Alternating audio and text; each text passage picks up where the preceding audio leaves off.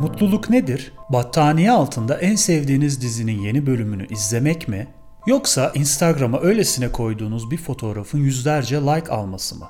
Trafiğin içinde sıkışmışken radyoda çok sevdiğiniz şarkının bir anda çalmaya başladığı o anı düşünün. Ya da yorucu bir günün sonunda eve girdiğinizde burnunuza gelen en sevdiğiniz yemeğin kokusunu.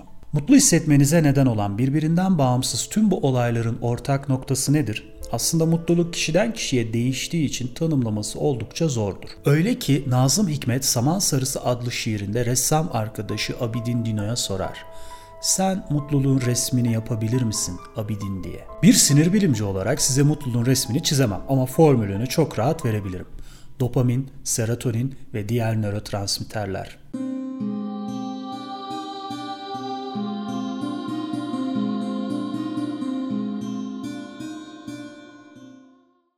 Resimde de gördüğünüz üzere beynimizin ortalarında bir yerlerde bezelye tanesi büyüklüğünde nükleus accumbens adını verdiğimiz bir yapı bulunmaktadır. Emin olun bu yapı hayatımızdaki en kıymetli yapılardan birisidir. Çünkü burası beynimizin ödül merkezidir. Bu bölgeyi uyaran en popüler nörotransmitter ise dopamindir. Yani mutluluk dediğimiz şey dopaminin ödül merkezimizi uyardığında hissettiğimiz has halidir. Tahmin edeceğiniz üzere dopaminin bizde yaşattığı bu yüksek has hali dopamin kaynaklı durumlara daha bağımlı hale gelmemize neden olur.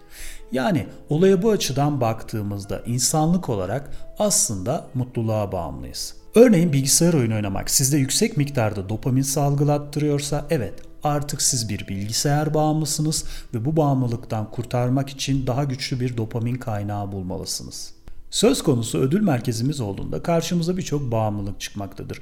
Uyuşturucu, alkol, sigara, kumar, teknoloji, para, sosyal medya, cinsellik, aşk gibi birbirlerinden oldukça farklı olan bağımlılıkların temelindeki mekanizmalar aslında aynıdır. Varlığında beyninizin ödül merkezlerini harekete geçiren, yokluğunda ise oldukça kötü hissetmenize neden olan nörotransmitterlerden bahsediyorum. Belki bir gün tüm bu bağımlılıkları ve beyindeki mekanizmalarını ayrı ayrı inceleriz ama bugün sizlerle paylaşmak istediğim asıl hikaye madde bağımlılığı konusuna ilginç bir bakış açısı getiren yazar Johan Hari'nin hikayesidir. Hari gerek kitabında gerekse de yapmış olduğu TED konuşmasında madde bağımlılığı ile ilgili oldukça ilginç bir noktaya dikkat çekmektedir. Klasik yaklaşıma göre eğer bir süre uyuşturucu kullanırsanız sonunda bağımlı hale gelirsiniz. Doğal olarak her defasında vücudunuz daha fazlasını arzular. Peki bu durum her zaman aynı şekilde mi işler? Örneğin nineniz kalçasını kırıp hastaneye kaldırıldığında hastanede yattığı süre boyunca ağrısını hafifletmesi için kendisine bir morfin türevi verilecektir. Aslına bakarsanız bu madde eroin benzeri bir opiyat olup oldukça kuvvetli bir uyuşturucudur. Bu durumda nineniz hastaneden çıktığında madde bağımlısına mı dönüşür? Ya da ninenizi bu durumdan koruyan tam olarak nedir?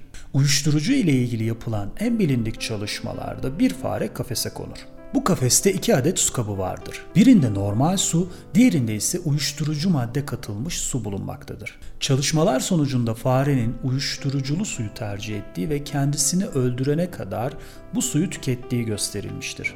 Özellikle 1970'li yıllarda oldukça popüler olan bu yöntem ile ilgili olarak psikolog Bruce Alexander'ın kafasına ilginç bir nokta takılır. Zira bu deneylerin hepsinde fare kafeste yalnızdır ve kafesin içerisinde dopamin salgılatacak başka bir şey bulunmamaktadır. Bunun üzerine kendisi de bir deney planlar. İçerisinde bir sürü oyuncak ve tünellerin bulunduğu bir kafese bir sürü fareyi beraber koyar. Bu kafeste de normal su ve uyuşturuculu su olmak üzere iki adet su kabı bulunmaktadır. Ama bu sefer ortaya çıkan sonuçlar oldukça ilginçtir. Zira önceki deneylerin aksine bu kafeste bir arada yaşayan fareler normal suyu tercih etmiştir ve hiçbiri bağımlı olmamıştır. Aslında benzer bir durum Vietnam Savaşı'nda da gözlenmişti. Savaşın şartları ne yazık ki birçok askeri eroin bağımlısı haline getirmişti. Bu durum Amerikan halkını çok endişelendirmiştir. Çünkü savaş sonunda binlerce eroin bağımlısı asker ülkeye geri dönecekti. Ama oldukça tehlikeli gözüken bu durum hiç de düşündükleri gibi olmadı. Bağımlı olan askerler ailelerin yanına döndüklerinde kısa sürede uyuşturucu ile olan ilişkilerini bitirmişlerdi. Aslında tüm bu bilgiler bize net bir gerçeği göstermektedir. İnsanın en temel ihtiyaçlarından biridir bağ kurmak.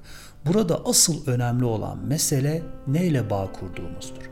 İyi şeylerle mi, kötü şeylerle mi?